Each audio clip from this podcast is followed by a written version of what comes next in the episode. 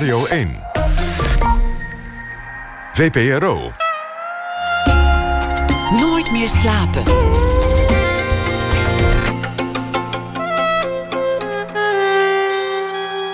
Met Esther Naomi Perquin.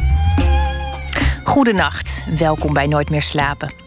De Kennedy Files is een grafische geschiedenis over de roemruchte familie van John F. Kennedy, de 35e president van Amerika die in 63 werd vermoord. En over het eerste deel van deze reeks spreken we na ene met striptekenaar Erik Varenkamp. En illustrator en filmmaker Aart Taminio komt dan langs, die een graphic novel heeft gemaakt over de ondergang van de Tilburgse textielindustrie. Wol heet dat boek. Maar tegenover mij zit nu Job Goschalk. Regisseur, schrijver, film- en televisieproducent en voorheen ook casting director. Veel tegelijk en zelden staat hij in het licht. Bijna altijd is hij de onzichtbare hand, het scherpe oog, de getalenteerde influisteraar. De man achter het schaap met de vijf poten, achter Alles is Liefde, achter de televisieserie Jeuk, om een aantal voorbeelden te noemen. Ik zal nooit een heel grote regisseur worden, zegt hij zelf, of een grote dramaschrijver. Daarvoor verdeel ik mezelf te veel. Maar ik hoop wel dat ik aan het einde van de rit heel veel verhalen heb verteld. De Zevende Hemel, de film die deze week in première ging, is vooral een ode aan familie. Maar het is ook een film over koppigheid. Je eigen plek opeisen en afscheid nemen. Een film met een sterrencast waarin bovendien liedjes gezongen worden. Het levert zelfs voor wie zich normaal gesproken niet laat verleiden door Hollandse hits als Is dit alles en Ik leef niet meer voor jou een onweerstaanbaar geheel op. Job Goschalk werd geboren in 67 in Bergum, de hoofdplaats van de Friese gemeente Tietjerkstradeel. Een nakomertje met flinke afstand en de enige jongen in het gezin. misschien verklaart dat wel waarom hij zo goed snapt wat familie betekent. De kleine ergernissen, de posities, de karakters en het afscheid waarop je ondanks alles nooit goed bent voorbereid. Job Goschalk, fijn dat je er bent. Een mooie introductie. Ik heb daar uh, altijd toch een beetje plezier in om even in zo'n leven te duiken. Ja, dat kan me voorstellen. In jouw geval extra omdat je niet zo zichtbaar bent en toch in allerlei dingen je sporen achterlaat. Dan ben je toch nieuwsgierig op een gegeven moment naar de man die daarachter zit. Ja. Ik, uh, ik heb een theorie daarover. Ook omdat het een van je thema's is. Uh, familie en, en, en de manier waarop mensen onderling met elkaar omgaan. En toen ik las dat jij een nakomertje was met, met flinke afstand. Je, hebt, je scheelde echt heel veel met je zussen. Um, toen dacht ik, dat is een hele interessante positie voor iemand die dit vak is gaan uitoefenen. Want alle banden liggen al vast, de posities zijn al ingenomen. Jij komt daarbij en je observeert dat. Ja, het klopt. Ik denk dat het gegeven dat ik uh, twaalf jaar na mijn jongste zus kwam... en dat dat eigenlijk al een gezin was voor mij... dat heeft wel... Um, ja, wat denk ik ook nog meespeelde... is dat ik was alleen met mijn vader en moeder. En dat, dat was opeens een jongensgezin, want de mannen waren in de overhand. Terwijl alle jaren daarvoor waren er vier zussen boven mij met mijn moeder. Dus daar waren de vrouwen altijd in de overhand. Dus het was ook echt een ander gezin. En ik kon goed kijken naar uh, hoe die meiden met elkaar omgingen. En ik zag natuurlijk ook hoe mijn ouders reageerden weer op mijn zussen. En dat vond ik altijd. Dat, dat, ik denk inderdaad dat dat, dat dat wel mee heeft gespeeld in, uh, uh, in de dingen die ik maak. En ik denk dat ik altijd een onweerstaanbare behoefte heb gehad om iedereen bij elkaar te krijgen. Omdat we bijna nooit. Ik kan me niet eens echt herinneren hoe vaak we echt met z'n allen bij elkaar zijn geweest. Dat is niet zo heel vaak geweest.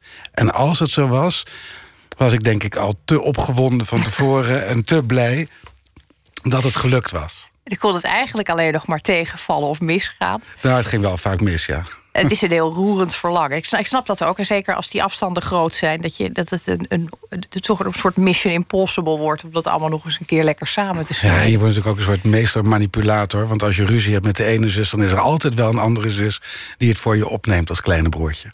Werd je ook niet schandalig verwend? Um, ik weet niet of het schandalig was, maar ik werd wel verwend, ja. Maar ik werd voornamelijk, denk ik, verwend door mijn ouders. Mijn zussen uh, hebben altijd wel oog voor me gehad, maar hadden wel... Mijn oudste zus had al twee kinderen toen ik kwam. Mijn moeder en mijn oudste zus zaten samen op zwangerschapsgymnastiek. dat was al best raar. In Bergen in Friesland. Een verrassing dus. Ja, ja. Was je, was je een, een, een uh, observerend jongetje in de zin dat je ook een stil jongetje was? was je, nee. Je nam wel de, de rol in. Nee, ik denk dat ik echt pas... Uh, uh, dat is iets wat veel later gekomen is. Ik heb altijd in het middelpunt willen staan... omdat ik eigenlijk ook altijd wel in het middelpunt stond... als soort van enig kind. Dus de, de keuze... Ik wilde heel graag acteur worden.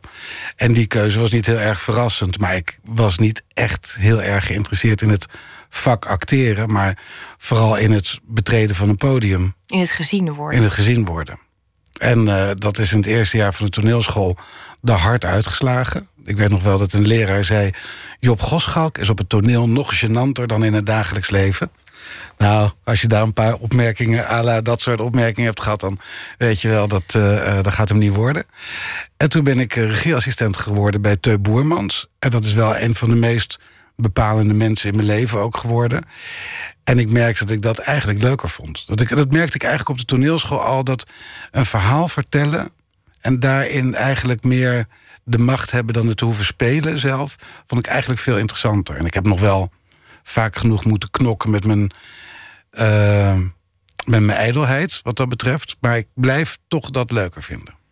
Waarom was, was Teu Boerman zo bepalend? Wat, wat leerde je daar wat je, wat je gevormd heeft?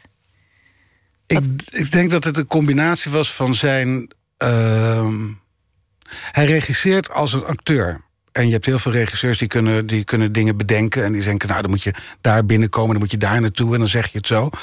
Maar die maken van een afstand maken die een, maken die een plaatje. En Teu speelt eigenlijk elke rol voor, of leeft zichzelf in ieder geval in elke rol in en regisseert het op die manier. En omdat ik helemaal geen enkele regieachtergrond had, was dat ook de enige manier waarop ik het kon doen. En nog steeds, als ik regisseer en ik denk, ik weet niet precies hoe die zin het best klinkt, dan doe ik Teu even na in mijn hoofd en dan gebruik ik dat en help ik daar een acteur mee verder, hoop ik. Nou ja, ik heb daar goede dingen over gehoord. Dus volgens mij is, is, dat, is dat prima uitgepakt, die methode. Ja. Ik kan me wel voorstellen trouwens ook, nu, nu ik erover nadenk... je hebt natuurlijk ook wel eens acteurs die... Het, juist die daardoor in de weg misschien zich. Ja, maar je weet, ik, bedoel, ik weet feilloos welke acteur je vooral niet iets voor moet spelen. Je gaat niet tegen Pierre Bokma zeggen... Pierre, kijk even hoe ik het doe. Dat doe je niet. En ik heb bij Pierre heb het schaap met de vijf poten gedaan. En hij heeft een gasrol gespeeld in Single. En daar gebruik je gewoon, daar, daar heb je dat helemaal niet nodig. Dan kan je gewoon over de rol praten en dat speelt zichzelf. En dan word je ook een iets andere regisseur. Maar uh, uh, sommige jongere acteurs helpt het bijvoorbeeld wel. En dan is het niet dat je wil dat, dat ze je nadoen. Je wil niet dat iemand uh, dezelfde intonatie gebruikt... maar je probeert, een, je probeert iets te laten zien. Je probeert een emotie even te laten zien... dat ze denken, oh, oh dat bedoelt hij, die kant wil hij dat ik opga. Maar dat is heel leuk om te doen. Ja, ik vind het het allerleukste vak wat er is. Nou ja, je, je kwam daar eh, dus eigenlijk terecht omdat je dacht... ik wil in beeld, ik wil het podium op. Wist je toen ook direct het wordt de toneelschool? Want er zijn natuurlijk dan ook nog tal van mogelijkheden. Uh, ja, ik heb uh, auditie gedaan in Amsterdam. Daar ben ik afgewezen. En toen deed ik auditie in Maastricht en daar werd ik aangenomen. En uh, ik geloof niet dat ik überhaupt ooit voor iets anders heb, me heb ingeschreven. Geen studie, niks. En je ouders eh, zagen dat al aankomen? Ik kan me niet zo heel veel herinneren van die tijd. Dat is heel stom om te zeggen, maar ik, het, het, stond voor mij zo als een paal boven water... dat ik die toneelschool wilde doen. En de, alleen al het moment dat ik afgewezen werd in Amsterdam... ik weet nog wel dat ik het bed voor mijn deur heb gezet... dat niemand naar binnen mocht, zo verdrietig was ik. Ik wilde ook niet getroost worden, ik vond het zo erg. En toen werd ik aangenomen in Maastricht. En ik denk dat het ook heel goed is geweest, omdat je dan, dan heb je een heel jaar de tijd om te kijken of het wat voor je is. En dat was het niet. Maar dat is beter dan een afwijzing na zes keer een uur of zes keer twee uur mensen die met je hebben gewerkt. Want je kan talent niet herkennen in één keer. Dat is zo'n onzinverhaal van mensen die zeggen: Oh, ik zag haar spelen, ik wist meteen dat het een talent was. Ja, maar je zag dan wel iemand spelen die zes weken minimaal gerepeteerd had aan een rol. Je kan niet iemand op straat tegenkomen en zeggen... oh, dat is een talent. Nee, bovendien, die, die audities zijn, heb ik altijd horrorverhalen over gehoord. Ja. Van mensen die een gebakken ei moesten spelen. Of een, of een... Ik heb ook een afwasmachine moeten doen. Maar uiteindelijk, weet je, het is natuurlijk ook. Het gaat natuurlijk helemaal niet om dat mensen serieus naar je kijken of je een gebakken ei kan spelen of een afwasmachine. Het gaat erom dat een leraar of een docent kijkt. Wat is de verbeelding van dit kind? Eh, wat is de schaamte van dit kind? Gaat het kind proberen? Of zit je, nee, maar dat, je, kan, je hebt natuurlijk niks aan een acteur die alleen maar iets speelt wat al bestaat. Je wil dat iemand uh, creëert, dat iemand open gaat, dat iemand rare dingen probeert en, en, en er op die manier achter komt wat het eindresultaat is. En niet dat iemand al begint met het eindresultaat. Nee, het zou ook denk ik ontzettend uh, zonde zijn. Als je dan. Absoluut. En dan moet je nog van alles. Ja. Nou, je zei net. Uh, je herkent uh, talent. Je zei daarvoor, ik, zie, ik weet direct bij welke acteur ik dat wel of niet kan doen. Ja. Er zit een hele grote mate van uh, inschattingsvermogen in jouw blik, volgens mij. Jij weet vrij snel als jij een kamer binnenloopt, dat is het uh, mannetje, dat is het, de alfa-rol, dat is de. Ja, het heeft dat een beetje mee te maken. Mij wel. Nou, het heeft een beetje te maken met de, de manier waarop je naar jezelf kijkt. Ik bedoel, als je zelf heel erg. Um, zeker van jezelf bent, kom je anders een kamer binnen dan wanneer je onzeker bent. Ik bedoel, ik kreeg een paar dagen. Over het algemeen zijn de recensies van de film heel goed. Maar er zaten ook een paar slechte recensies bij. Die kwamen toevalligerwijs als eerste. Dan ben ik niet op mijn best. Dan kom ik echt anders een kamer in. Dan ben ik banger of dan ben ik meer op mijn hoede. Dan denk ik, ja, ik moet oppassen met wat ik zeg. Want misschien nemen ze me nu wel helemaal niet meer serieus. Omdat ik. Uh, uh, net afgeslacht ben in de Volkskrant. Zeg maar zoiets. En op het moment dat ik met vier keer uh, vier sterren uh, om mijn oren uh, een, een, ruimte binnenkom, dan ja, dan is het weer anders. Maar ik heb wel, ik, ben, ik, ik was nooit zo groot. En ik ben wel altijd, ik heb wel vaak mensen ingeschat of plekken ingeschat op basis van waar kan het gevaar eventueel vandaan komen.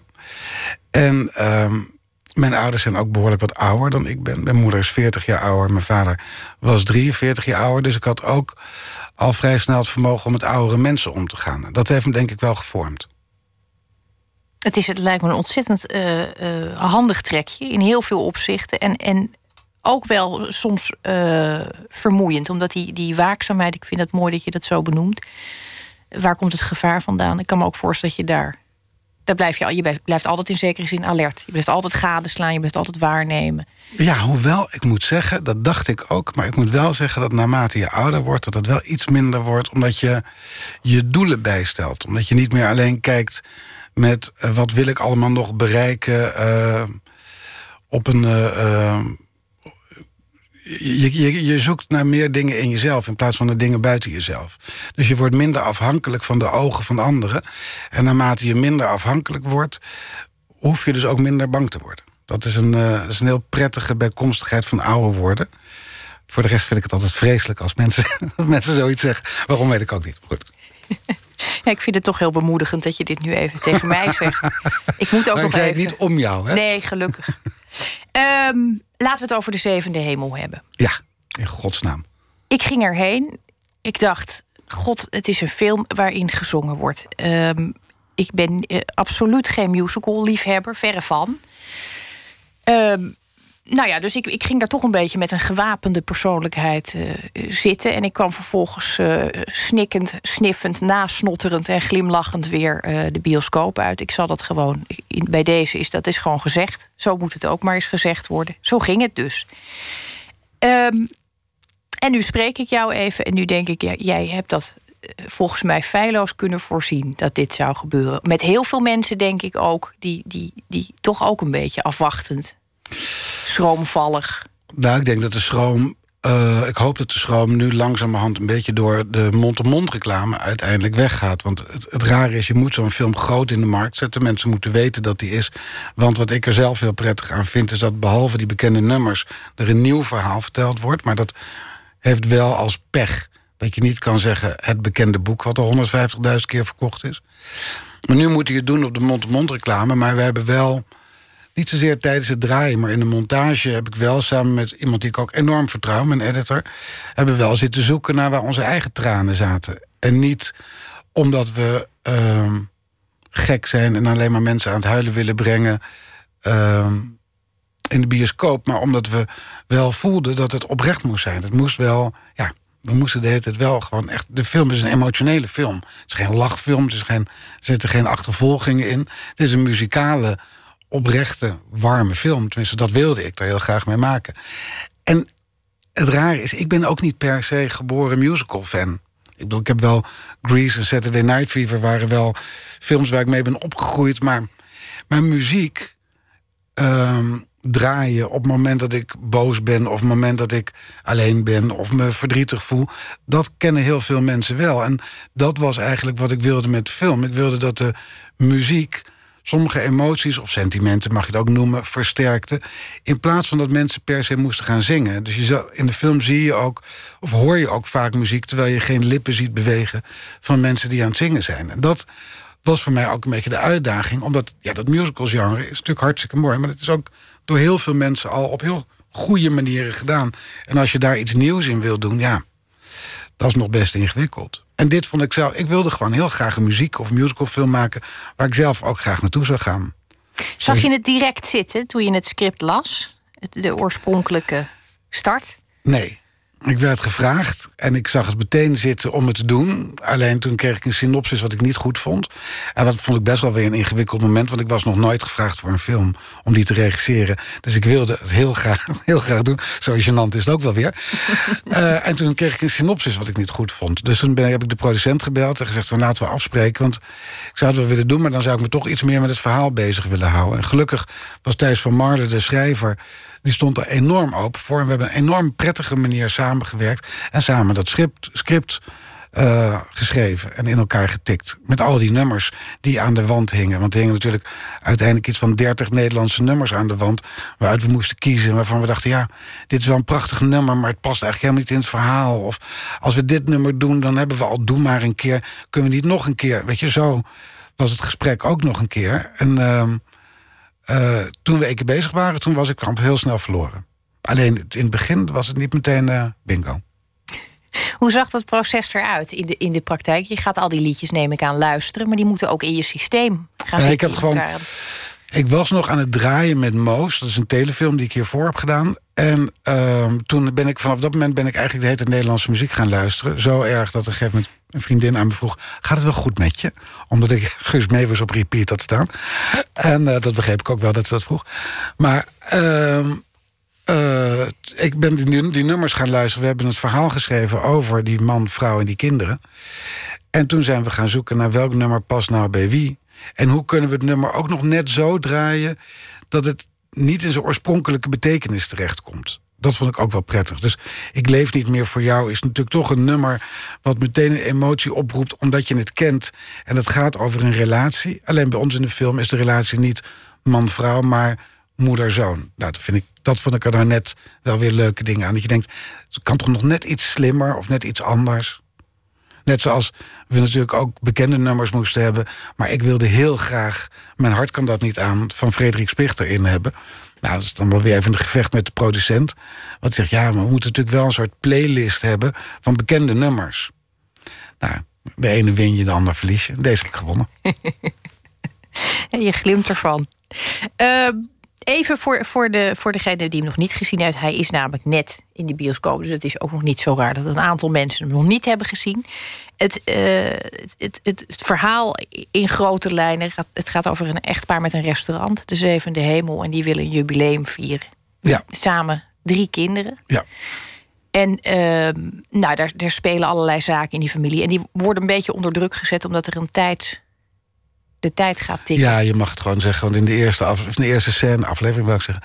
in de eerste scène wordt duidelijk... de moeder heeft niet lang meer te leven. En zij besluit, omdat het jubileum eraan komt... om dat niet te delen met haar familie... maar wel te proberen om meteen na het jubileum... nog één keer naar Italië te gaan... om nog één keer met z'n allen ik, ik, hoor nu opeens iets, iets, terug van het begin van het verhaal. Maar uh, om nog één keer met z'n allen bij elkaar te komen... en uh, uh, en daar het leven te vieren, zolang het nog duurt. Nou, ik, ik, moet je zeggen, ik vind het mooi dat je nu zelf ook die connectie legt. Dat, dat gebeurde mij natuurlijk ook.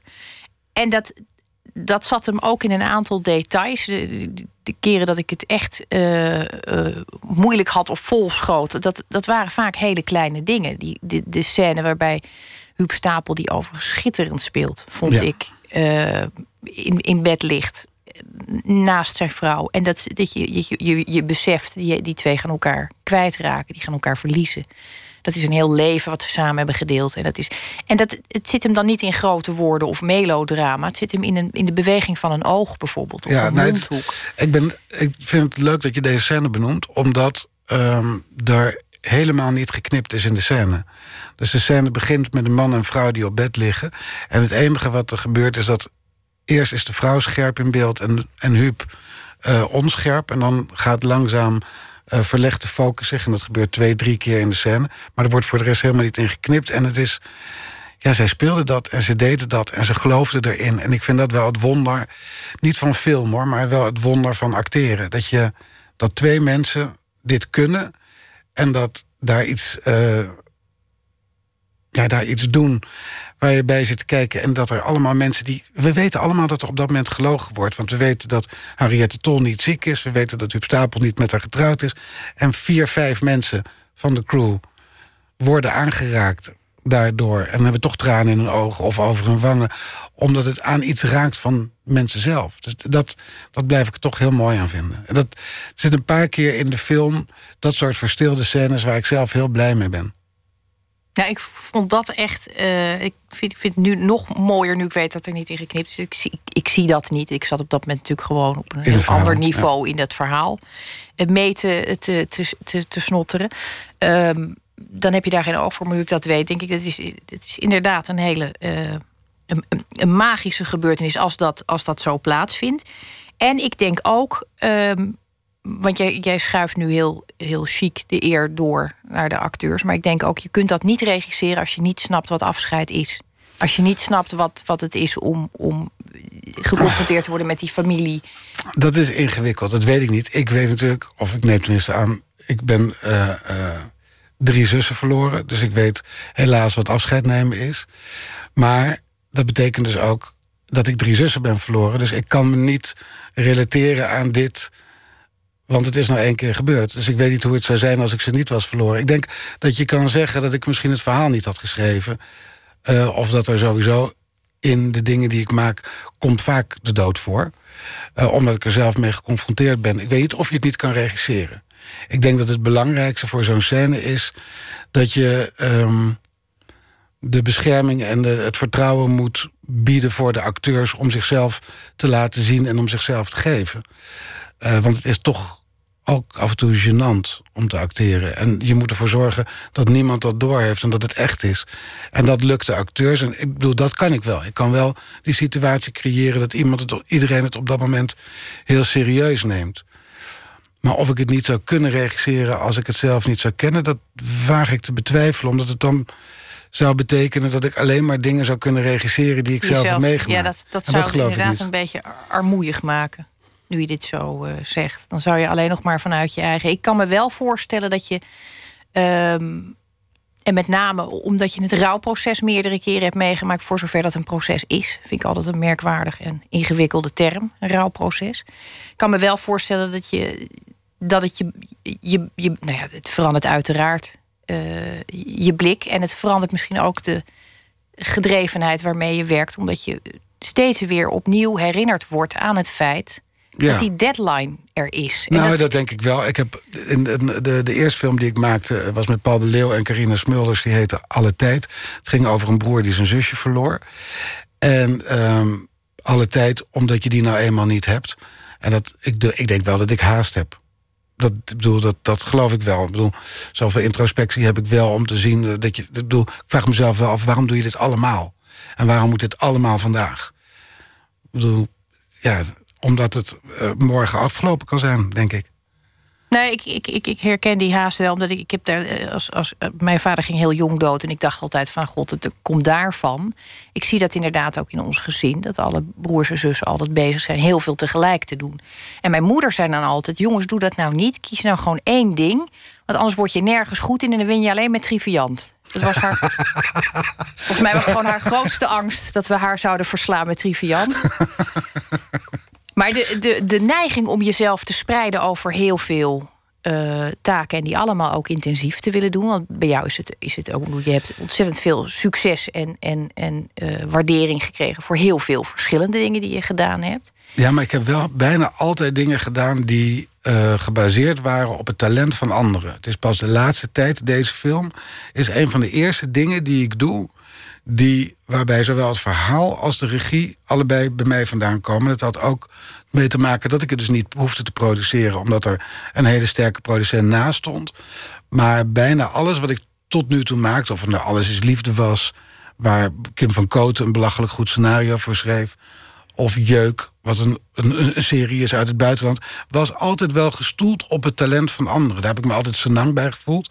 Dat kan ik goed. Kan, ik vind het niet ingewikkeld om andere mensen uh, te helpen... of ze het succes te gunnen. En nu kantelt dat een beetje, maar ik vind het ook eng. Ik vind het ook, ik vind nou, je neemt veel meer risico, want als het misgaat... ben je ook als enige je wordt steeds meer dan als enige aangekeken. Ja, dus ik zit er ook met verbazing naar te kijken. Dat ik denk, oh ja, ik vind het wel leuk dat dit een Job Goschalk project is... maar ik vind het ook heel erg fijn dat ik hierna weer een paar dingen ga doen... die, waarbij ik wel weer in mijn oude vertrouwde comfortzone terechtkom... die iets meer achter uh, camera's en dergelijke is. Het is toch mooi dat je eigenlijk begint vanuit een jongetje... dat niets liever wil dan in beeld zijn. En het middelpunt. En zodra je er, daar neigt per ongeluk het middelpunt te worden... dan denk je, nou, ja. ga toch even de andere kant op bewegen. Zijn er ehm, eh, op dit moment, heb, heb, je, heb je enig idee hoe de film geland is? Hoe de film landt bij de, bij de mensheid, zal ik maar even zeggen? Want nee, ik denk zelf dat het een beetje... Hij heeft nu veel publiciteit gehad. En uh, um, ik denk dat het publiek het nu wel dit weekend gaat vinden. Maar zelf verwacht ik meer dat het een... Ja, we noemen dat een beetje een sleeper is. Dus een film die langzaam, hoop ik, door mond op mond... steeds verder gaat groeien. Het is niet een film... Uh, waar denk ik meteen 14, 15-jarigen op afkomen rennen. En dat zijn de mensen die als eerste naar de bioscoop gaan. Dus ik denk dat die langzaam aan gaat groeien. Tenminste, ja, dat hoop ik. Maar ik vind het altijd, ook altijd eng om te zeggen. Niet beschrieën, zou mijn moeder zeggen. Dus uh, nee, dat, uh, nee dat, uh, ik weet het niet. Ik hoop dat hij het goed gaat doen. Nou, ik, ik denk, ja, god, als ik er toch al zit met mijn, met mijn bewapende... Ja, maar jij zit er natuurlijk wel ook omdat jij mij gaat spreken. En daarom zit je er. En ik vraag me af of de groep mensen die sowieso sepsis heeft uh, over, het, uh, over het genre of ze gaan. Dus het lekkerst vind ik, als jij nog een paar keer zegt... dat jij sepsis hebt over, over dit genre... maar dat je gegaan bent en dat je getroffen bent. Nou, ik heb wel direct een van mijn beste vriendinnen... even die, is theatermaker en die, die, die zit heel erg in de, in de, in de alles moet artistiek sfeer die heb ik wel even erop gewezen. Ik vond dit, ik heb hiervan genoten. Ik, ik vertel dit vast even. Als je het nu met me uit wil maken, onze vriendschap, dan, dan kan dat. maar dan weet je dit. Dus ik eh, vermoed dat zij in ieder geval dit weekend ook uh, gaat. Oh die moet het natuurlijk zelf even beoordelen. Um, dat, dat jongetje, daar wil ik toch nog heel even naar terug. Um, zijn er, zijn er nog dingen die je niet hebt ingewilligd, die je nog niet hebt, uh, als we het nou over die haast hebben, waarvan je denkt, ik, ik, ik, moet dat in ieder geval nog? Dat weet ik niet, omdat ik uh, altijd wel geneigd ben om als ik echt iets per se wil, dan dat te doen. Dus op vakmatig gebied heb ik dat niet zo. Ik merk dat ik wel. Ik ben een half jaar geleden verhuisd van Amsterdam naar Friesland. En ik merk dat ik me wel, uh, omdat ik, dat ik een iets andere blik krijg naar de buitenwereld. Omdat ik niet alleen maar aan het werk ben. ik merk wel dat ik dit een hele roerige tijd vind... waarvan ik nog niet precies weet hoe ik me waartoe precies verhoud. En ik zou me best kunnen voorstellen dat ik daar tussen nu en ooit... dat ik me daar wat meer mee bezighoud. Het is natuurlijk toch ook een beetje een... Het is een mooi vak en je werkt met allemaal leuke mensen... maar je bent toch ook wel heel erg veel bezig met jezelf. En met televisie en met entertainment. En dat is hartstikke leuk. En ik, nogmaals, ik vind het hartstikke leuk. Maar soms denk ik ook wel eens, ja, er is ook meer. En dat kan ik me wel voorstellen dat dat ooit komt. Een roman. Nee, je, zit toch, je zit toch in dat huis in Friesland. Joh. is, je hebt het uitzicht. Het is de perfecte plek om nou eens... Nee, maar geen roman. Dat kan ik niet. Dat kan ik niet. En dat, dat, dat, dat kunnen al zoveel mensen. Dat, dat wil ik ook niet. Ik zei, ik, nee. Maar iets verstilder dan wat het nu is? Ja, dat wel. Dat wel. Maar geen roman. nee. ik, vind het, ik vind het heerlijk om te lezen, maar om het zelf te moeten doen... ik, krijg al helemaal, ik word er helemaal benauwd van als ik eraan denk. Ja, ik zie het aan je. Ja, ik nou, dan gaan we dat in al die lege uh, bladzijden. Gaan we dat niet doen. Ik vond het heel fijn dat je er was. Ik vond het hartstikke leuk. En nou, we gaan het afwachten met de zevende hemel. Ja. Ik ben benieuwd wie er nog meer voor valt. Nooit meer slaap is ook de podcast en dat is reuze handig. U kunt dat even op onze website nakijken. En na het nieuws gaan we verder met uh, onder andere Erik-Jan Harmens over het nieuws.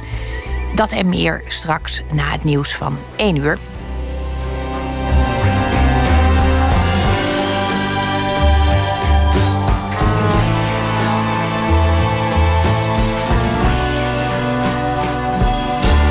Op Radio 1, het nieuws van alle kanten.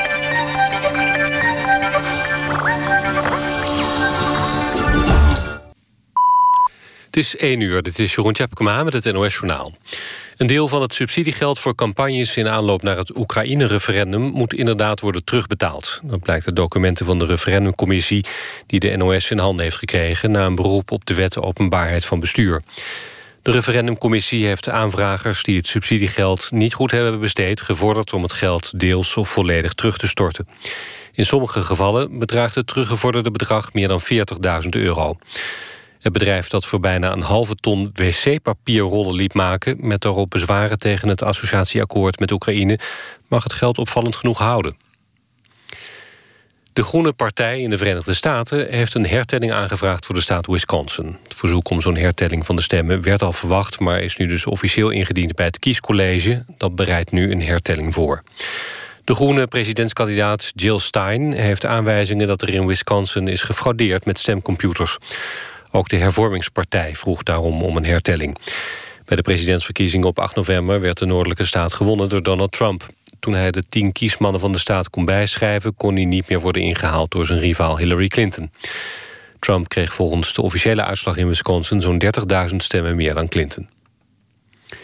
Uli Heunes is teruggekeerd als voorzitter van Bayern München. De 64-jarige Heunes werd met een grote meerderheid gekozen. Hij kreeg 98,5% van de stemmen. Heunes was al eerder voorzitter van Bayern... maar moest de functie neerleggen toen hij begin 2014... tot 3,5 jaar gevangenisstraf werd veroordeeld... wegens belastingontduiking. Het clubicoon van Bayern had de Duitse fiscus... voor zo'n 28 miljoen euro opgelicht. Begin dit jaar zat de helft van zijn straf erop... en mocht de oud-voetballer de gevangenis verlaten. Het weer. De mist breidt zich vanuit het noordoosten verder over het land uit. Het gaat licht vriezen en plaatselijk is er kans op gladheid. Overdag op verschillende plaatsen hardnekkige mist en bewolking. Daar wordt het maar 3 graden. In de regio's met zon wordt het 6 graden. Dit was het NOS Journaal. NPO Radio 1. VPRO. Nooit meer slapen.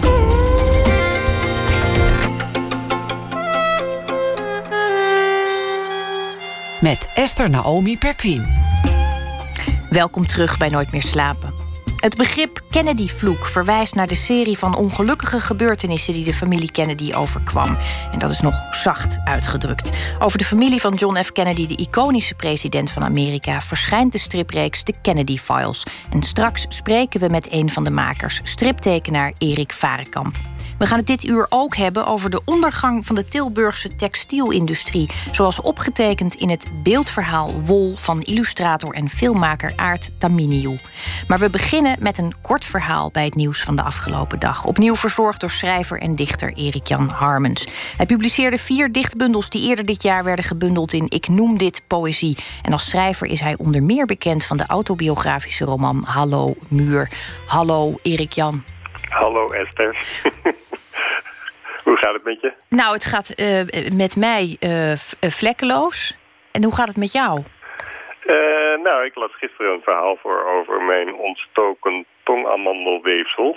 Ik kreeg iets mee, ja. Ja, ja, dus ik heb een licht raspje op de stem... waarvan sommige mensen zeggen dat het ook heel sexy is... maar misschien is dat ook meer uit mededogen.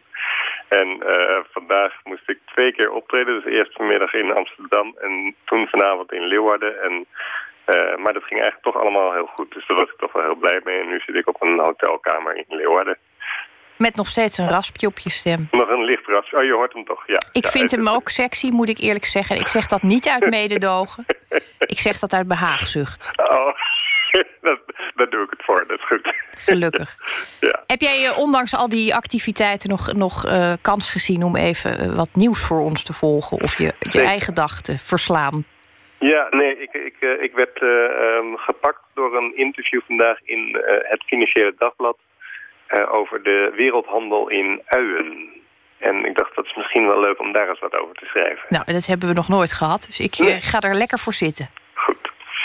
Gedreven twintiger leidt werelds grootste uienhandel.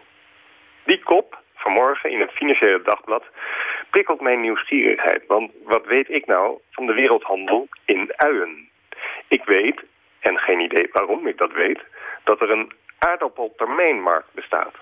Zou er ook sprake zijn van een uientermijnmarkt? Ik googele, kom ik uit op de website boerenbusiness.nl waar ik lees dat verschillende stakeholders, dat woord staat er echt, verschillende stakeholders aangaven onvoldoende aanknopingspunten te zien om aan te kunnen nemen dat een uientermijnmarkt succesvol zou kunnen zijn.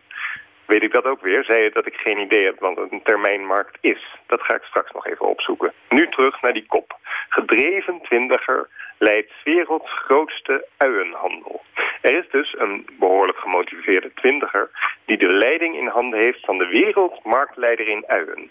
Het in Kruiningen gevestigde bedrijf Wiskerke Onions... wordt gerund door de 27-jarige Cheyenne Wiskerke. Cheyenne Wiskerke, dat is nog eens een naam. Ik heb haar inmiddels helemaal suf gegoogeld. Ze weet alles over het koppelen van logistieke stromen en efficiency slagen om als bedrijf kostenefficiënter te werken. Cheyenne werkt, blijkt uit het interview, zes dagen per week. Om half zes ochtends is ze al op kantoor vanwege de export naar Azië. En om half negen s'avonds gaat ze pas weer weg vanwege de handel met Amerika. S'avonds gaat ze naar bed en denkt ze uien.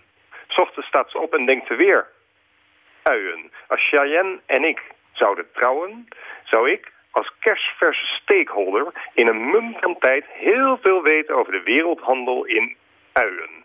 Ik zou me in moeten houden om geen gedichten over de ui te gaan schrijven...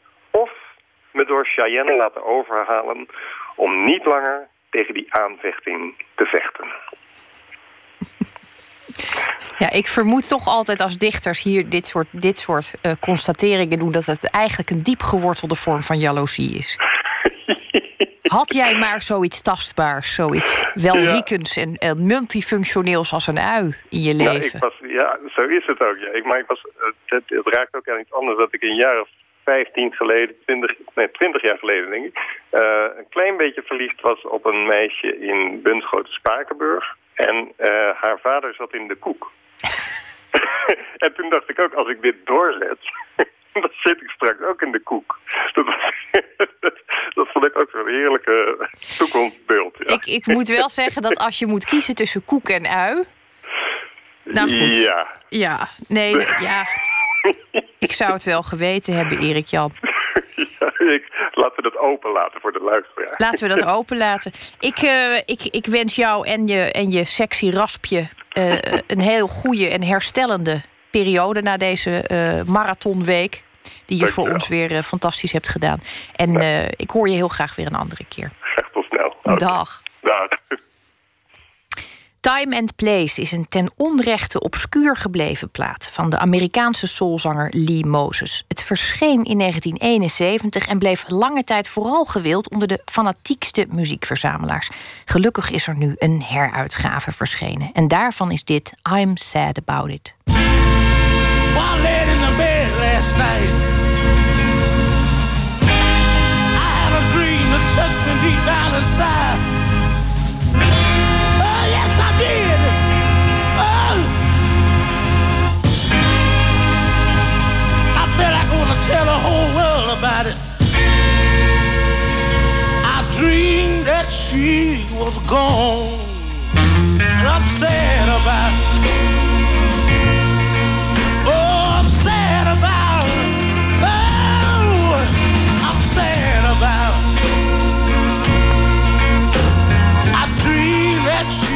She was gone, and I'm sad about it. Do you know?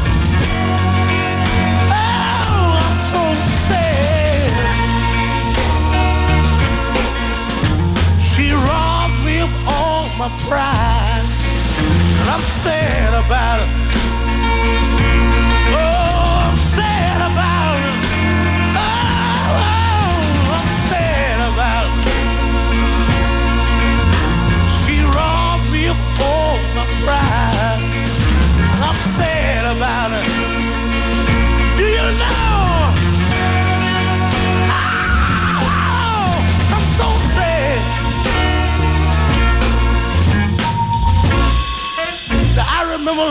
Time ago. But all my friends tried to tell me the wrong that she was doing. But I just wouldn't listen. Cause I was blinded by love. My mama told me one day, son, you better believe somebody when they try to tell you things for your own good. Well, when I saw you that day, uh, you were loving my best friend. Uh, you promised me you'd be with me till the end. You done hurt me so bad. I'm sad about it.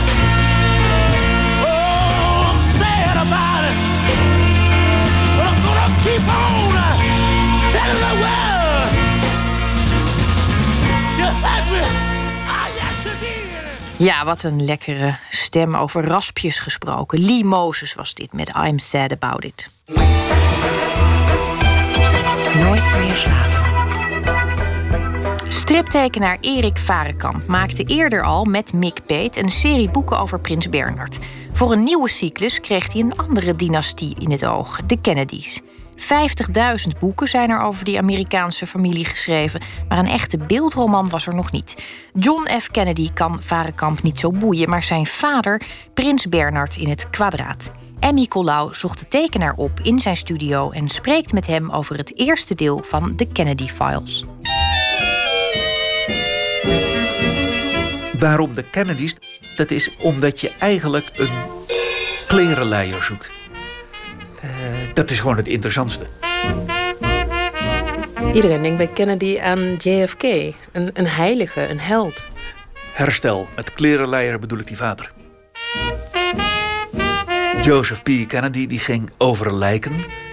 Is van tamelijk eenvoudige komaf, de Ierse immigranten. Op zijn 25e bankdirecteur.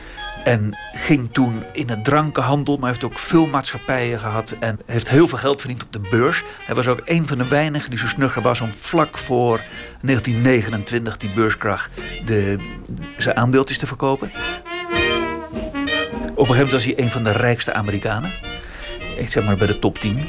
En dat heeft hij ook aangewend om zelf naar het Witte Huis eh, te geraken. Dan wel, eh, toen dat eenmaal niet lukte, zijn oudste zoon. Een charismatische man. Hij was behoorlijk knap. Hij had eh, naast zijn vrouw Rose had hij nog eh, een hele eh, lading vriendinnen. Ja, nee, ik, ik vind dat, dat dit een beetje een, een ratje is. Dat vind ik natuurlijk gewoon mooi voor het verhaal. Een soort Bernhard-achtige figuur. Het is een prins Bernhard in het kwadraat. Want Bernhard had eh, geen macht en eh, ambassadeur Kennedy had wel degelijk macht. I in England after a very pleasant trip. In de vooroorlogsjaren zat eh, hij in, in Londen als ambassadeur. En daar koos hij eigenlijk de kant van Chamberlain en de mensen die het op een akkoord wilden gooien. with great anticipation to my duties here and to renewing acquaintanceship with many old friends. eerste moment dat Joseph P. Kennedy in, in eh, Engeland arriveert, werd hij door de pers belaagd. Hij was een eh, ster en hij, eh, zijn roem was hem vooruitgesneld. En zeker toen al die kindertjes kwamen, hè, in, in totaal negen. What about the family of nine, Mr. Kennedy? Not wishing to make the housing problem of England any more complicated, Het was gewoon een celebrity. I'm bringing them over in installments. Five on the first trip, two on the next, and two in June.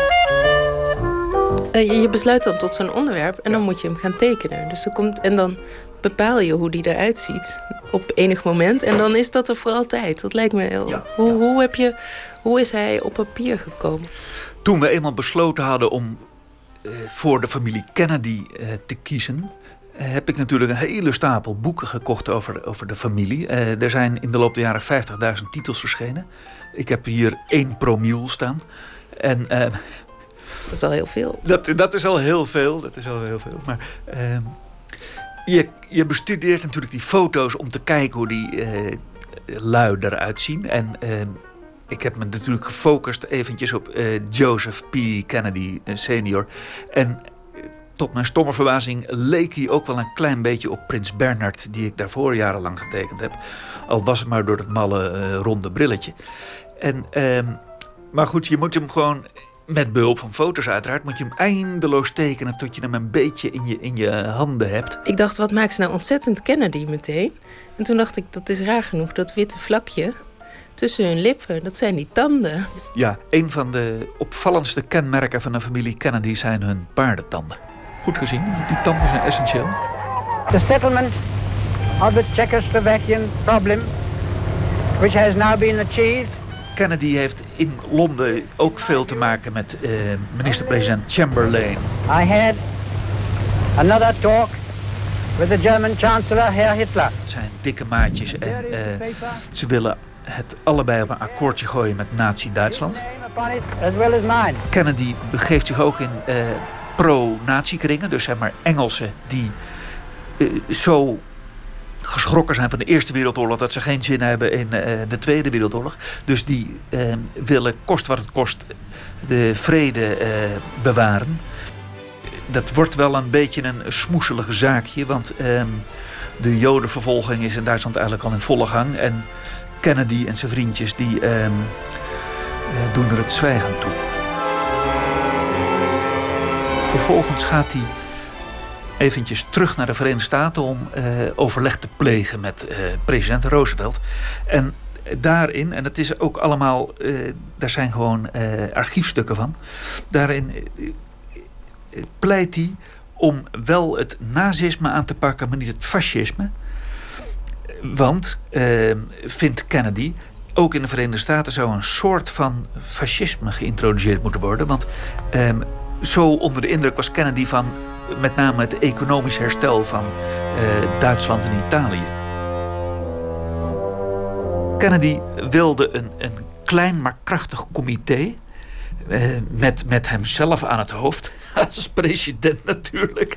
En, en daarmee wou hij gewoon het land besturen zonder al te veel inmenging van het congres.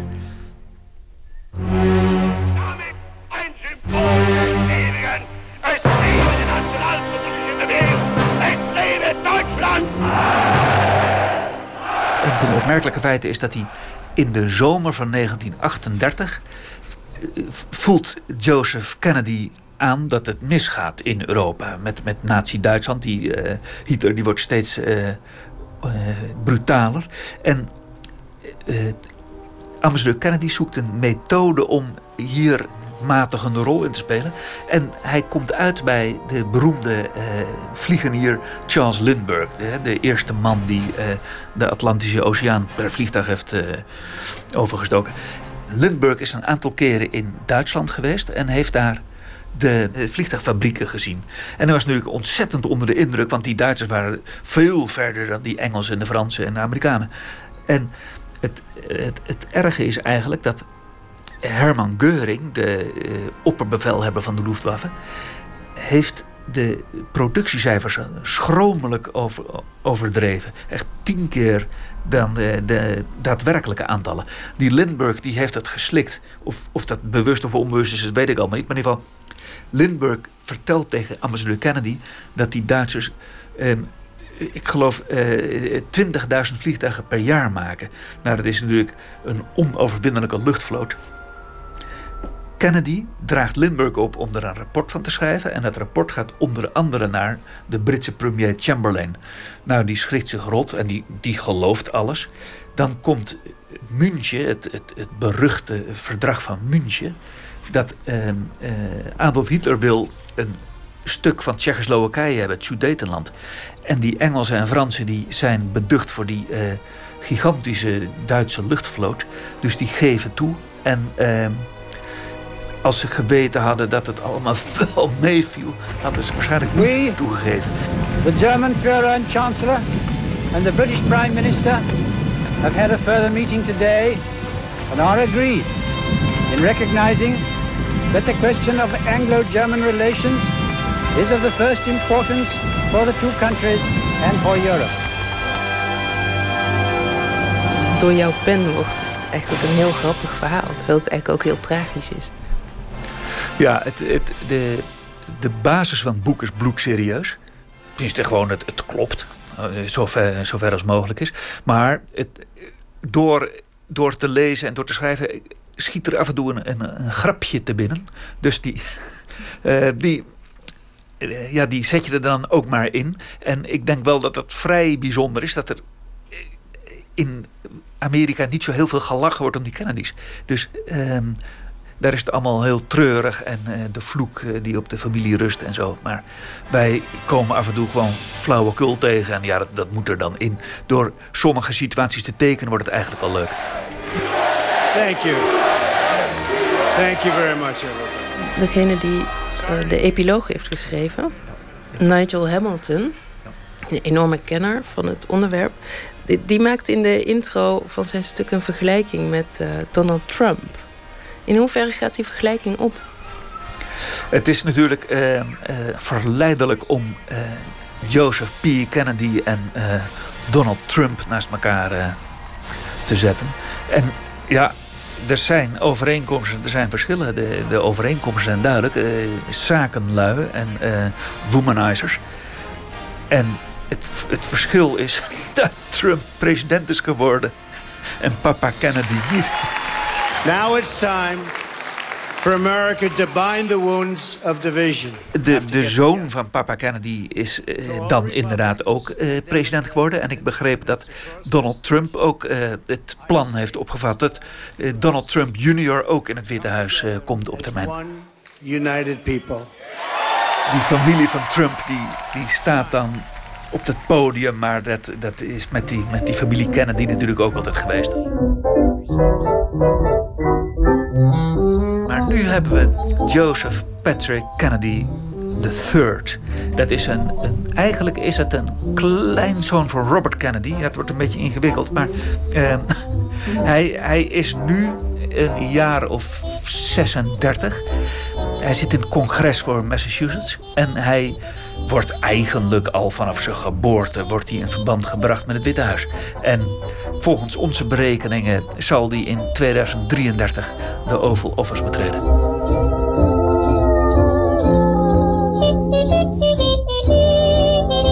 Deel 1 van de Kennedy Files van Erik Varekamp en Mick Peet is net verschenen en nu al verkocht aan het buitenland. De komende jaren verschijnen in ieder geval nog twee delen. En Emmy Collau maakte deze reportage. Thomas Azier is een Nederlandse elektropopmuzikant die op zijn negentiende naar Berlijn verhuisde en daar nog steeds woont. Na het verschijnen van zijn debuutalbum Hilas in 2014 is er eindelijk weer een nieuw nummer, Talk to Me.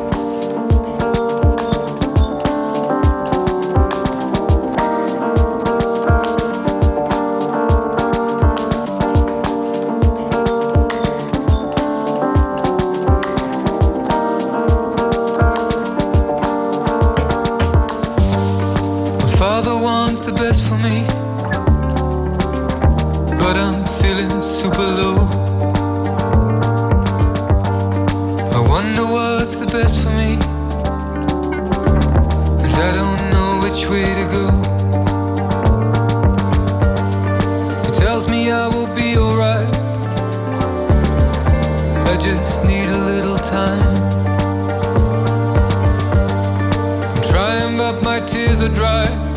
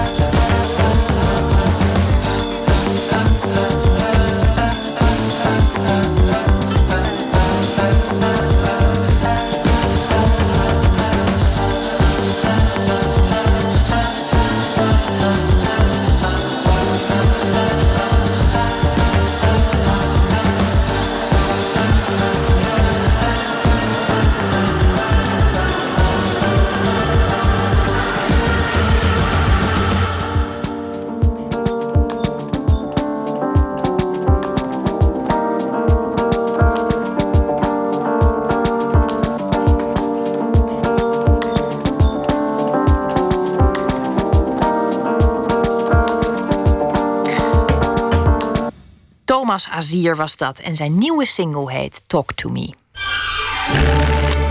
Open kaart.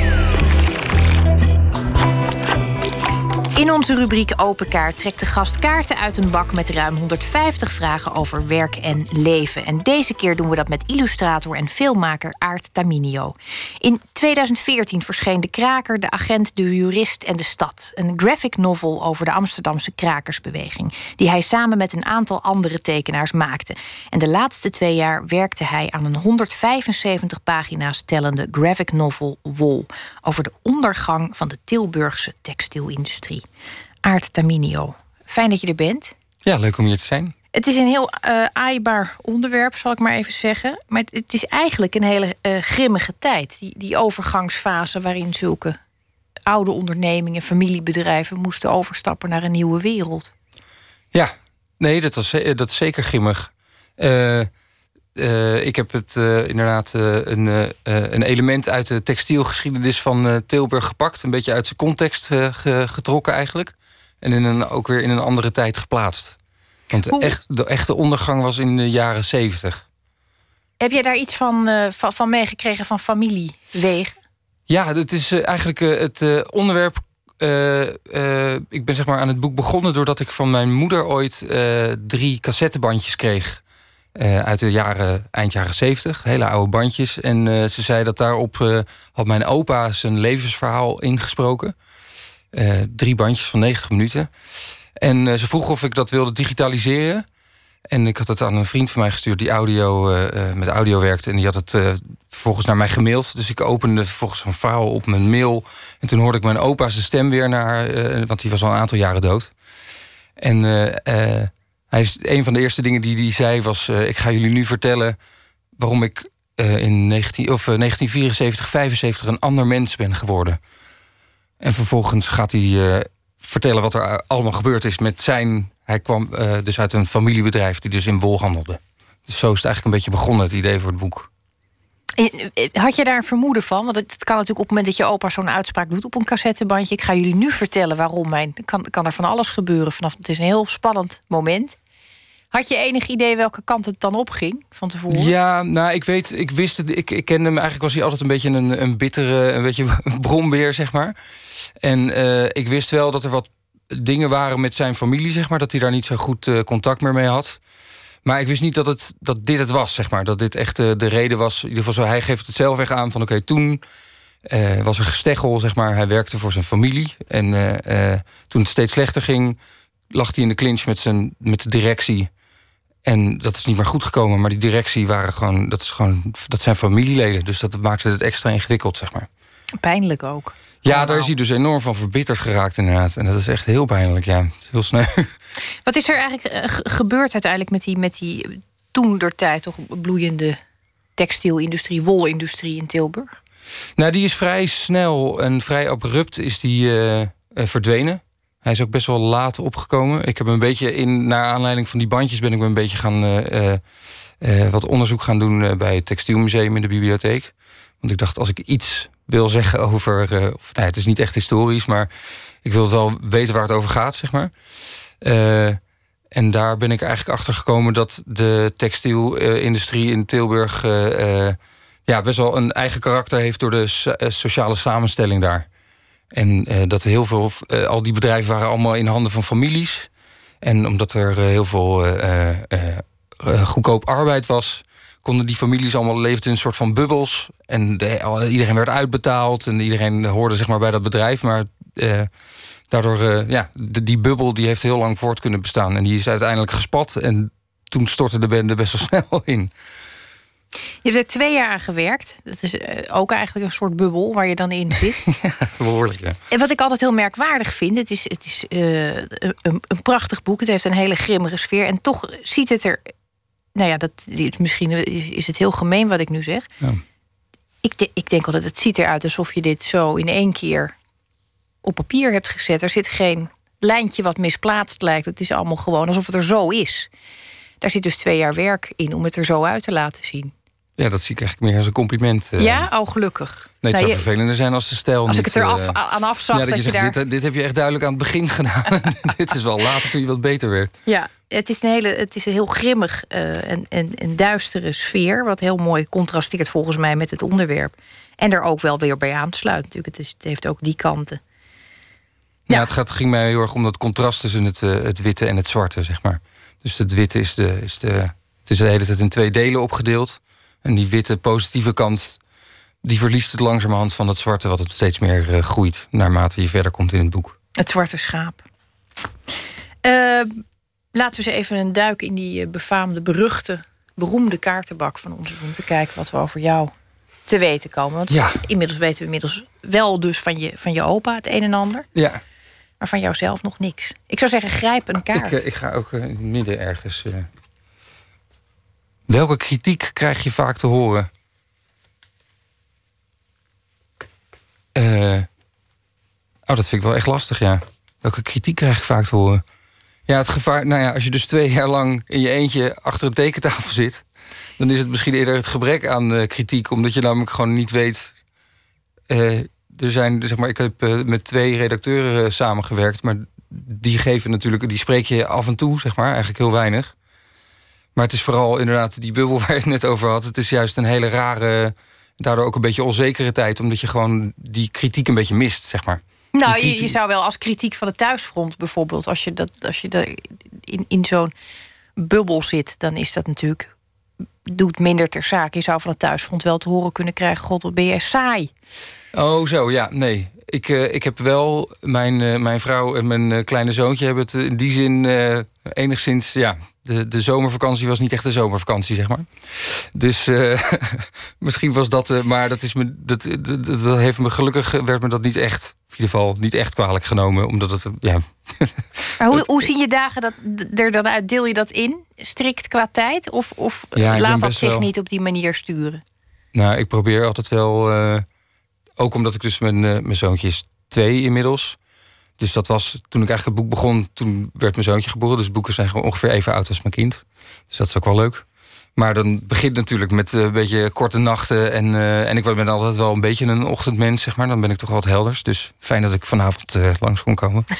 uh, maar, um, dus ik, ik, ja, ik werk altijd wel redelijk van, van 9 tot 6 ongeveer, zeg maar. Ook gewoon omdat ik dan thuis weer kinderen, het kind, het kind, het heeft ook een naam, maar in ieder geval uh, moeten ophalen en dat soort dingen. Dus dat, dat, uh, maar de laatste, de laatste uh, zomermaanden waren eigenlijk gewoon zeven dagen werken. En van ochtends tot s avonds laat. Dan is je, je kind nog niet op een leeftijd dat er veel getekend wordt, denk ik. Gekrast nee, misschien. Ja, er wordt veel gekrast, ja. Dus ik teken iets, dan Grastijden. Grastijden. Ja. Dat weer door. Ja, nou, dat is ook een leuke dynamiek zich. samenwerking. Ja, Ja. het levert wel eens wat leuks op, ja. Neem nog een kaart, alsjeblieft. Heb je een levensmotto? Pff, ehm, nee, ik denk het niet. Heb ik een levensmotto? Als je er een had, zou je hem nu onmiddellijk. Nee, nee, nee dan heb ik hem echt niet. Nee, nee. Vrees ik. Ja. Nee, dat zou, als, het, als het te vatten zou zijn in één simpele, simpele zin... dan zouden we er met z'n allen wel uitkomen, denk ik. Ben je, ben je een overzichtelijk eh, eh, mens? Dat je met, met principes en regels. Of ben je meer iemand die de nuances en de tussengebieden opzoekt? Oeh. Eh, ik vind de nuances en de tussengebieden vind ik misschien het interessantst. Maar ik weet voor. Dus ik weet, daar, daar, daar ligt mijn interesse, zeg maar. Maar voor mezelf, om het zeg maar. eh, eh, hou ik, heb ik behoefte aan de structuur en aan de, aan de regels om, om daar goed mee om te kunnen gaan of zo. Dus ik ben voor mezelf moet ik altijd juist wel harde afspraken maken, zeg maar. Die moet ik wel nakomen, want anders wordt het. anders verzandt het in, in te veel nuance. En eh, hoe, hoe zag dat er bijvoorbeeld op de middelbare school uit? Was je dan. eh, want dat tekenen, dat, dat begint natuurlijk heel vroeg. Je, je doet overigens meer, je maakt ook animaties. Het is toch weer een Mhm. andere tak van sport. Maar was jij dan zo iemand die eigenlijk tijdens de wiskunde Ja. wel al. Ik weet niet, ik ben toch eigenlijk stiekem ook niet echt een tekenaar-tekenaar. Je hoort al dat inderdaad van dat, dat soms dan denk ik ook, oh, weet je wat, doe ik het wel goed dan? Wat is een tekenaar-tekenaar? Nou ja, een tekenaar-tekenaar is zo iemand, is een beetje het, het eh, stereotype wat ik zie voor een tekenaar, is namelijk iemand die altijd met een pen in zijn hand aan het tekenen is, zeg maar. En dat heb ik echt niet gedaan. Ik heb echt periodes ook weinig getekend eigenlijk. Dus ik ben, dat is heel erg met golfbewegingen en zo is dat gegaan. Ik heb, ja, ik heb wel altijd getekend, maar Je kon ook het niet- ook laten. Dus. ik kon het ook later, ja. Dus ik ben ook wel gewoon een, eh, een puber geweest, zeg maar. Oh, ik dacht dat je wou zeggen, je hebt ook gewoon netjes zitten opletten bij wiskunde. Oh nee, dat niet. Zo nee, erg juist was het niet. ook weer niet. Ik, ik mocht. eh, nou, dat was op zich leuk. Ik mocht. eh, Ik had één. een- één juf die had het wel een beetje opgegeven met me. En die, die stuurde me af en toe gewoon voor een boodschap. Dan mocht ik de stad in. Ze was Hongaars, was, er was een Hongaarse speciaalzaak. En dan mocht ik dan speciale olijven voor haar gaan halen. Omdat ze dacht, nou ja, die jongen gaat toch niks doen. dus dat was het een beetje. Dat is een fantastische lerares, lijkt Ja, dat. ik vond, het, eh, ik vond het heel aardig. Nou, en als een Hongaarse speciaalzaak bij iemand in goede handen is als materiaal, dan is het bij jou. Wie weet wat daar ooit nog aan graphic inderdaad. novels uitrolt. de volgende. Moet ik, er eentje pakken? Ja, probeer het maar. Wat wil je absoluut nog maken? Oeh. Ehm, ja, dat vind ik wel lastig. Ik zou eigenlijk toch wel. Ah, dat durf ik bijna niet te zeggen. Ah, het is donker. Ja. Het is nacht. Nu kan het. ik heb, ik heb eh, heel veel eh, affiniteit met film. En ik heb ook wel eh, dingetjes gedaan met film, maar helemaal niet. Maar dat, ik zou eigenlijk nog wel een, eh, een, eh, echt een speelfilm willen maken, eigenlijk ooit. Maar dat, ik, nu ik het zeg, vind ik het al verschrikkelijk. Want het kan, de, grote kans dat het ook helemaal niet gaat gebeuren. Maar ik zou zo'n echt een, ja, een wat een- ja, dit is al een groot project, maar dat voelt dan toch nog wel weer wat groter of zo.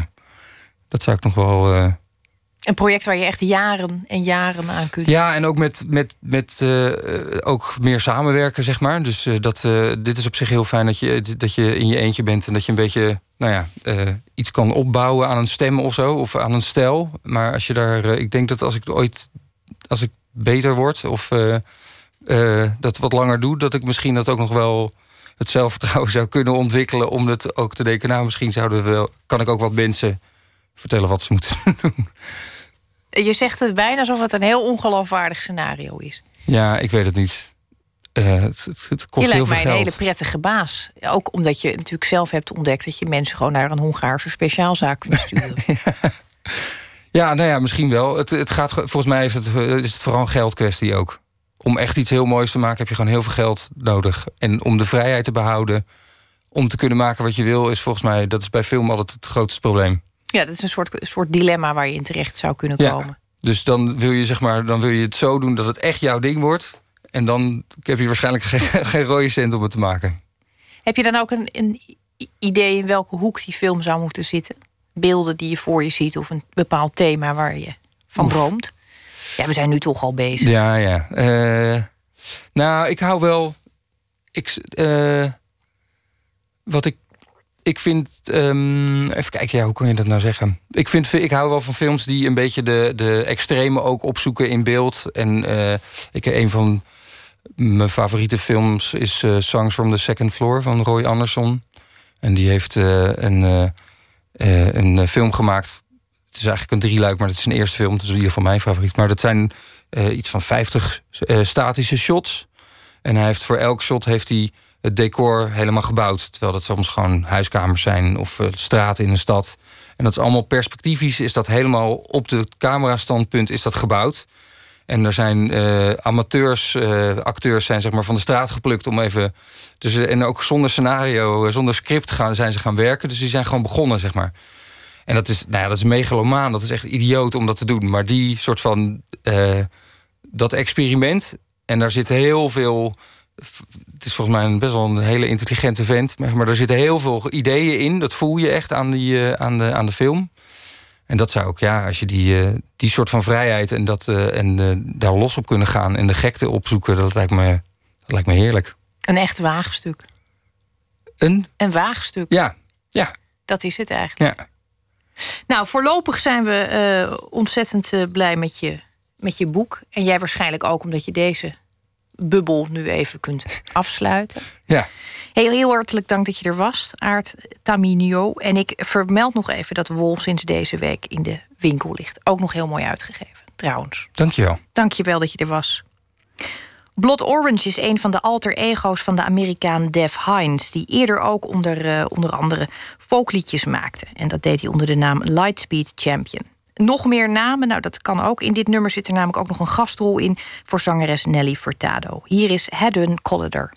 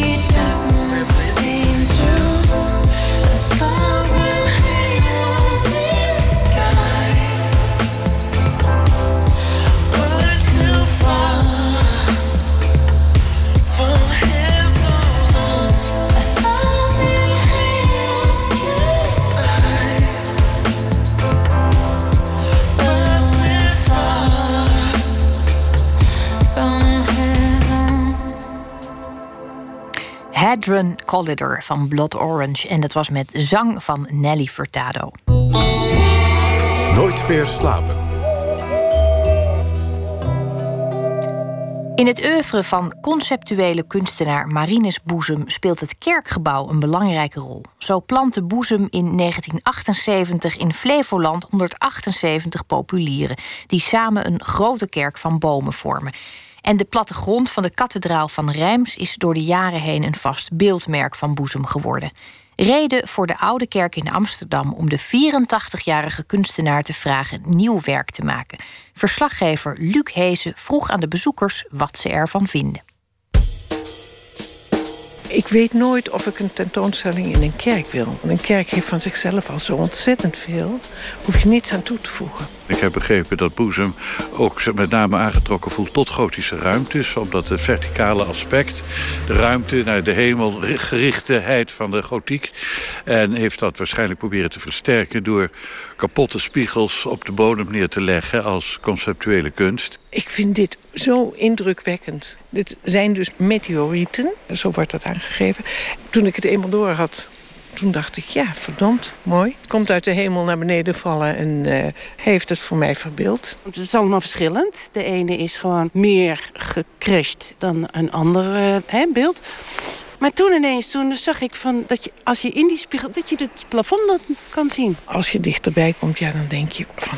eindelijk hoef ik niet op mijn rug te liggen om eh, het dak te zien, het plafond te zien. Je denkt dan een detail te zien en dan kijk je net weer vanuit een andere scherf... en dan zie je het net weer iets anders. Eh, of dan zie je net weer een ander detail, wat je, waardoor je ook echt blijft kijken. Dus dat maakt het wel heel tof. De spiegels zijn leuk, maar dat is één keer leuk... en dan zie je het vier of vijf keer. Het wordt een beetje hetzelfde. Er is ook een heel mooi eh, rond wit doek. Wat zo in een spiraal rondgaat. En dat is ook prettig om in te gaan en rond te lopen. Het kost even tijd voordat je snapt hoe het in elkaar zit. Dat het een soort doolhof is van een hele eh, fijne voile vitrage... die dus door eh, ventilatoren in beweging wordt gebracht. En dat op zichzelf geeft al een heel aparte dynamiek. En dan zie je centraal één recht omhoog rijzende stenen zuil...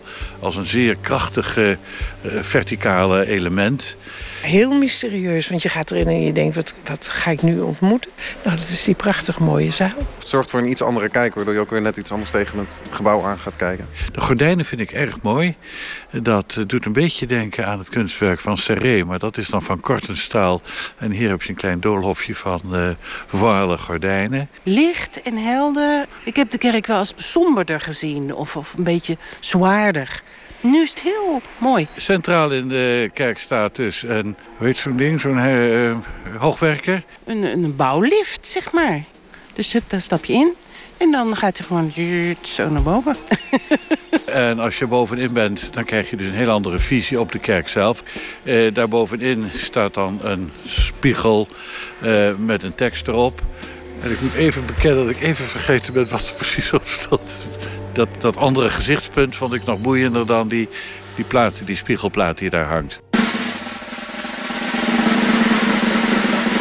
Eh, wa- wat voor ballen?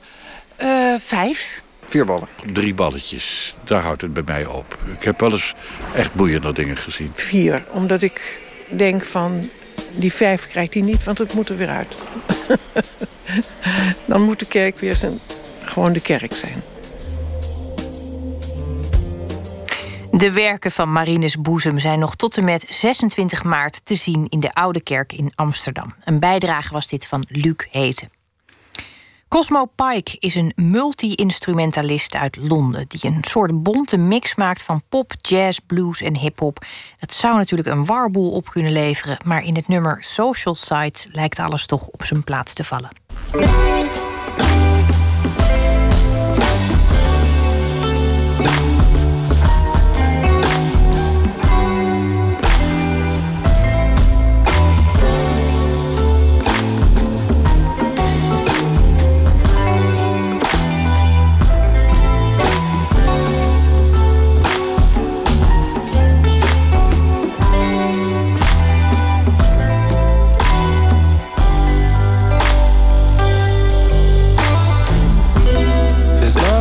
There's nothing to say. This love sweet like tooth decay.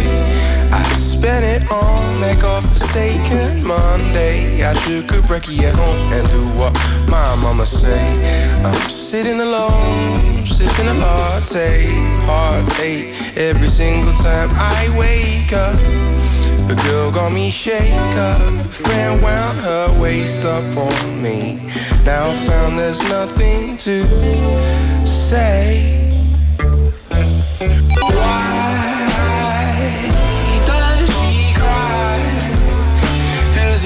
These social sites is bliss is crystallized like dolomite.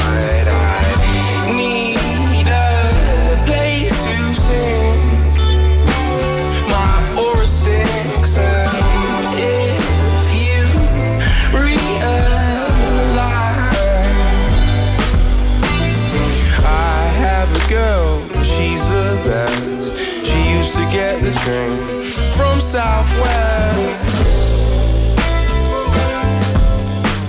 But when she hit Clapham, it happened that I wasn't in ends.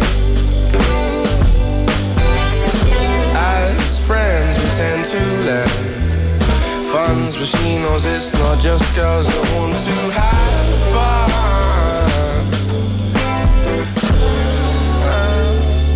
That's why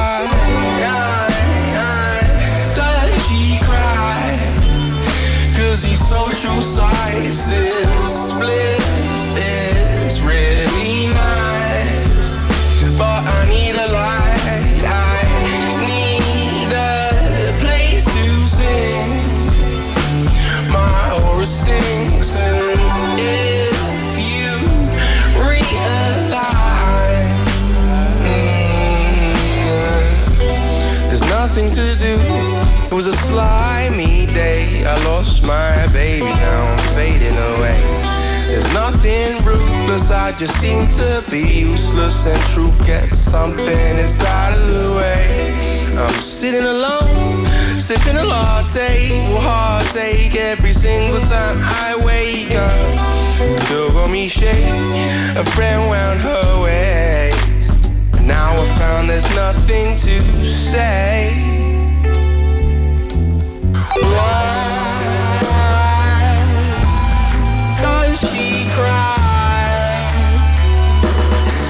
is the social side. This bliss is crystal.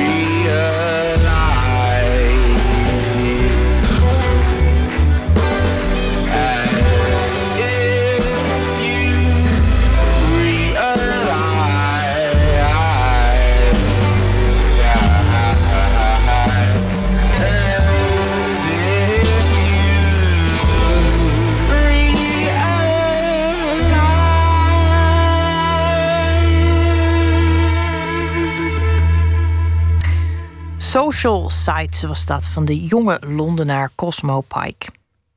We sluiten af met poëzie van Alfred Schaffer. Hij groeide op in Nederland, maar woont alweer vele jaren in Zuid-Afrika. Zijn voorlaatste bundel heet Mens, Dier, Ding. En onlangs verscheen de bibliophile bundel Postuum, een lofzang. We hebben Alfred Schaffer gevraagd vijf gedichten te selecteren uit eigen werk en die voor ons toe te lichten.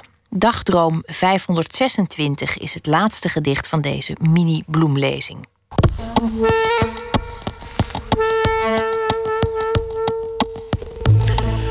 Dagdroom 526. Deze kale ruimte die ik met munitie voor een week doorkruiste.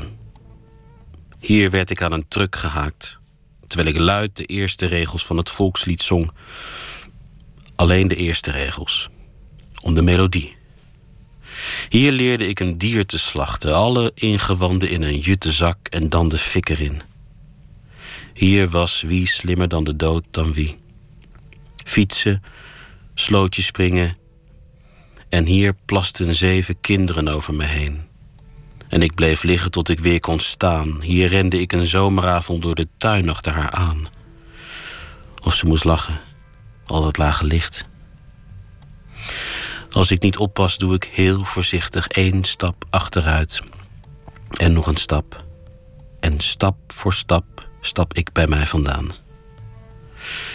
Pas als ik ver genoeg ben en mij niet meer hoor, draai ik me om, begin te rennen als een gek. Wat is het stil vandaag? Zo stil als een bos in de winter. Zo stil als een vogel, hoog in de lucht. Zo stil als een walvis die slaapt. Dit gedicht komt uit de bundel Mens, Dier, Ding. Die uh, verschenen is in 2014. Een, uh, een soort kaleidoscopische bundel over het fictieve... tenminste, dat heb ik ervan gemaakt... het fictieve leven van de Zuid-Afrikaanse Zulu-koning Shaka Zulu. Uh, het bestaat uit dagdromen, uit interviews, een quiz, een grap en uit verschillende dagdromen waarin ik geprobeerd heb om een innerlijk perspectief op Shaka Zulu te werpen. En eh, zoals het ook in dit gedicht dan gaat, dan komt er toch altijd weer allerlei vuiligheid bij. In de zin dat het einde een, gestolen is uit een uh, Engelstalig kinderboek dat ik voor mijn dochtertje voorlees. En dat uh, gepest van Shaka Zulu in zijn jeugd, waar gebeurt. Om het echter te maken heb ik geput uit mijn eigen jeugd. Als een kleine bruine jongen in Leidsendam, waar ik soms onder pesterijen nou ja, ook stond. Al is het een bundel over Shaka ook weer een bundel over de dichter zelf. Je ontkomt er nooit aan. Dagdroom 526. Deze kale ruimte die ik met munitie voor een week doorkruiste. Hier werd ik aan een truck gehaakt terwijl ik luid de eerste regels van het volkslied zong. Alleen de eerste regels, om de melodie. Hier leerde ik een dier te slachten. Alle ingewanden in een juttezak en dan de fik erin. Hier was wie slimmer dan de dood dan wie. Fietsen, slootjes springen. En hier plasten zeven kinderen over mij heen en ik bleef liggen tot ik weer kon staan. Hier rende ik een zomeravond door de tuin achter haar aan. Of ze moest lachen. Al dat lage licht. Als ik niet oppas, doe ik heel voorzichtig één stap achteruit en nog een stap. En stap voor stap stap ik bij mij vandaan. Pas als ik ver genoeg ben en mij niet meer hoor, draai ik me om. Begin te rennen als een gek. Wat is het stil vandaag? Zo stil als een bos in de winter. Zo stil als een vogel, hoog in de lucht. Zo stil als een walvis die slaapt. Dagdroom 526, geschreven en hier voorgelezen en toegelicht door Alfred Schaffer. Ik vertel nog iets over maandag. Dan komt schrijver Herman Koch langs. Samen met Kees Prins en Michiel Romein maakte hij jarenlang het tv-programma Jiskevet. Als schrijver debuteerde hij in 89 met Red ons Maria Montanelli. En wereldberoemd werd hij zelfs dankzij de roman Het Diner uit 2009. Zijn nieuwe boek De Greppel gaat over een ogenschijnlijk stabiele man die in korte tijd steeds verder verstrikt dreigt te raken in zijn eigen angsten en vermoedens. Dat onder meer maandag. Dan zit onze eigen Pieter van de Wielen hier weer. Straks en eigenlijk de hele nacht kunt u luisteren naar de collega's van het programma Woord. Jeroen van Kam presenteert vannacht. En het gaat over Suriname en de 41 jaar onafhankelijkheid. Dit weekend is dat. Ik wens u voor nu een hele mooie nacht.